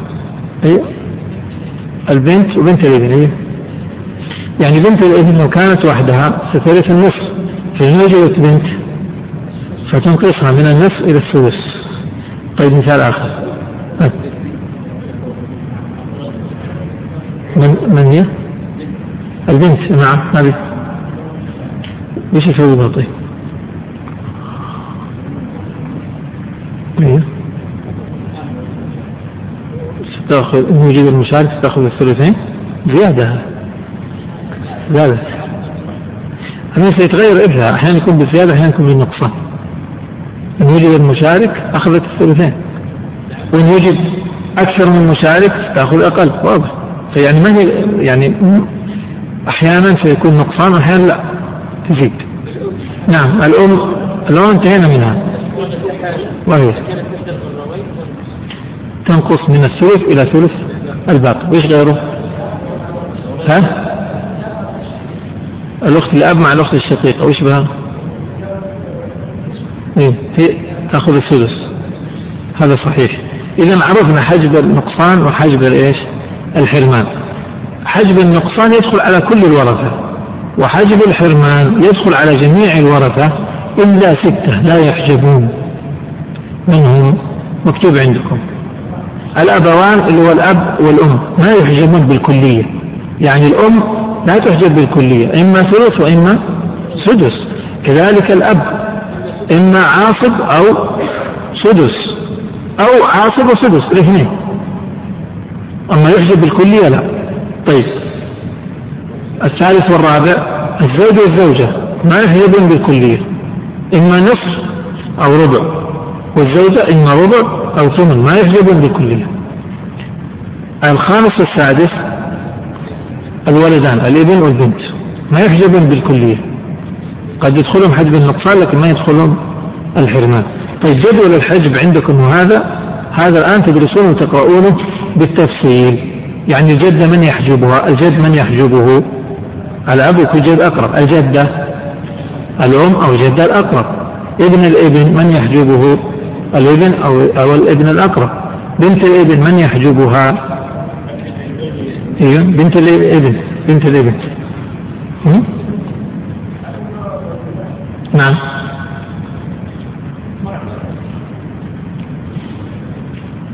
البنت ما؟ كل ابن ابن الأقرب أو بس يحجبها بالكلية من يحجبها بالكلية يعني؟ الابن والبنتان وهكذا الأخ الشقيق من يحجبه؟ الفرع الوارث يحجبه؟ والأب والأصل الوارث. الأب والجد على القول الثاني أو القول الأول. وهكذا الأخت الشقيقة من يحجبها؟ الابن وإن نزل والأب والجد. على الصحيح. نعم.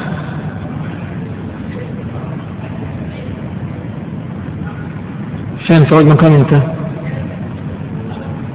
إيه. رقم واحد. نقول الأب يحجب الجد. أو الجد الاقرب يعني لو كان هو أب يعني أبو الأب يحجب أبو أبو الأب. الأعلى. طيب اذا جدول الحجب الحجب هذا آه، واجب منزلي تحفظوه أو تفهموه. أنتم حافظوه الآن. بس إيه تفهموه. طيب احفظوه. بعد ذلك أحوال الورثة. أحوال الورثة. هذا الصفحة عشرة. أحوال الورثة يا مشايخ هو تلخيص لكل ما سبق. طيب دعونا نمر عليه. الإبن كم حالة له في الإرث ما له إلا حالة واحدة عاصر ولا يحجب. ابن الإبن كم حالة له في الإرث إما عاصب بالنفس وهذا متى؟ إذا ما في ابن أقرب منه. أو محجوب إن وجد أقرب منه بس فقط ما في حالة ثالثة الأب كم حالة له في الإرث ثلاث إما عاصب بالنفس إذا عدم الفرع الوارث فهو عاصب بالنفس. أو صاحب سدس إن كان في المسألة فرع وارث ذكر فيكون هو هو صاحب سدس فقط الحالة الثالثة وهذه اسمع. الحالة الثالثة وهذه التي أريدكم أن تنتبهوا لها لأنها جديدة عليكم. ما مرت الروم بالنسبة للأب. الحالة الثالثة أن يكون صاحب سدس وعاصب في نفس الوقت. متى؟ إذا وجد فرع وارث من الإناث. دون الذكور كيف؟ إذا كان في المسألة بنت وأب اقسموها الآن. البنت كم لها؟ نصف. الأب كم له؟ لحظة. السدس. السدس ثابت. ما دام في فرع وارث له سدس. له سدس. سدس. انتبهوا المسألة كان أصبحت من كم؟ من ستة. أتمنى أنكم تحلوها في في في الكتاب في الدفتر. إيه لا لا حلوها الآن أمامي. اكتب بنت وأب في الدفتر. لابد من إحضار الدفتر معكم يا إخوان. بنت كم لها؟ نصف. الأب كم له؟ سدس. المسألة من كم؟ من ستة. البنت كم لها؟ ثلاثة. الأب كم له؟ واحد. باقي شيء من التركة ولا ما بقي بقي اثنان. يذهب لمن لحظة لا تقول الأب. يذهب في القاعدة لأقرب عاصب فين أقرب عاصب هنا. الأب إذا نضع بجوار السدس عين ونزيد الواحد نضع أمامه زائد اثنين. فهمتوا المسألة؟ أصبح الجد يرث في هذه الحالة مع وجود الفرع فرع الأنثى يرث بطريقين. يأخذ السدس فرضا ثم يأخذ ما تبقى تعصيبا. واضح هذا؟ لكن لو قلنا المسألة الثانية بدل بنت ابن نقول ابن بدل بنت أب نقول ابن وأب كم للأب؟ السدس والابن كم له؟ عاصب فالمسألة من كم؟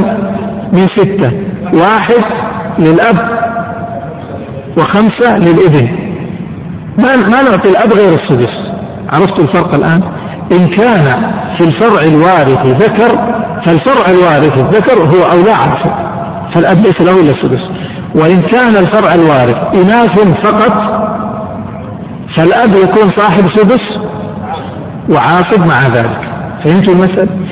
وإن كان في المسألة فرع وارث ذكر وأنثى فكم للأب؟ السدس فقط لأنه موجود عاصب أقرب منه وإن كانت المسألة ليس فيها فرع أصلا لا ذكر ولا أنثى فالأب هو إيش؟ صاحب سدس؟ سؤال صاحب سدس؟ ليس له سدس. ماذا له؟ عاصب فقط. فهمت المسألة؟ إذا الأب شوفوا مسألة الأب ركزوا عليها أنها المسألة هذه أول مرة تمر. الأب له ثلاث حالات إما عاصب بالنفس مع عدم الفرع مطلقا وإما صاحب سدس مع وجود فرع ذكر. وإما عاصب وصاحب سدس مع وجود فرع من الإناث فقط. عرفنا هذا ولا لا؟ طيب بعد ذلك الجد مثل الأب. نفس حالات الأب هي حالات الجد إلا أنه يزيد عليه لأنه قد يحجب. إن وجد الأب حجب. واضح يا مشايخ؟ جد أقرب. طيب الخامس الأخ الشقيق. الأخ الشقيق كم حالة له؟ حالة إما عاصب بالنفس إذا كان هو أقرب عاصب وإلا محجوب ما في غير كذا وهذا الكلام يقال في الأخ يقال في كل العصبة بالنفس ما عدا الأب وما عدا الابن.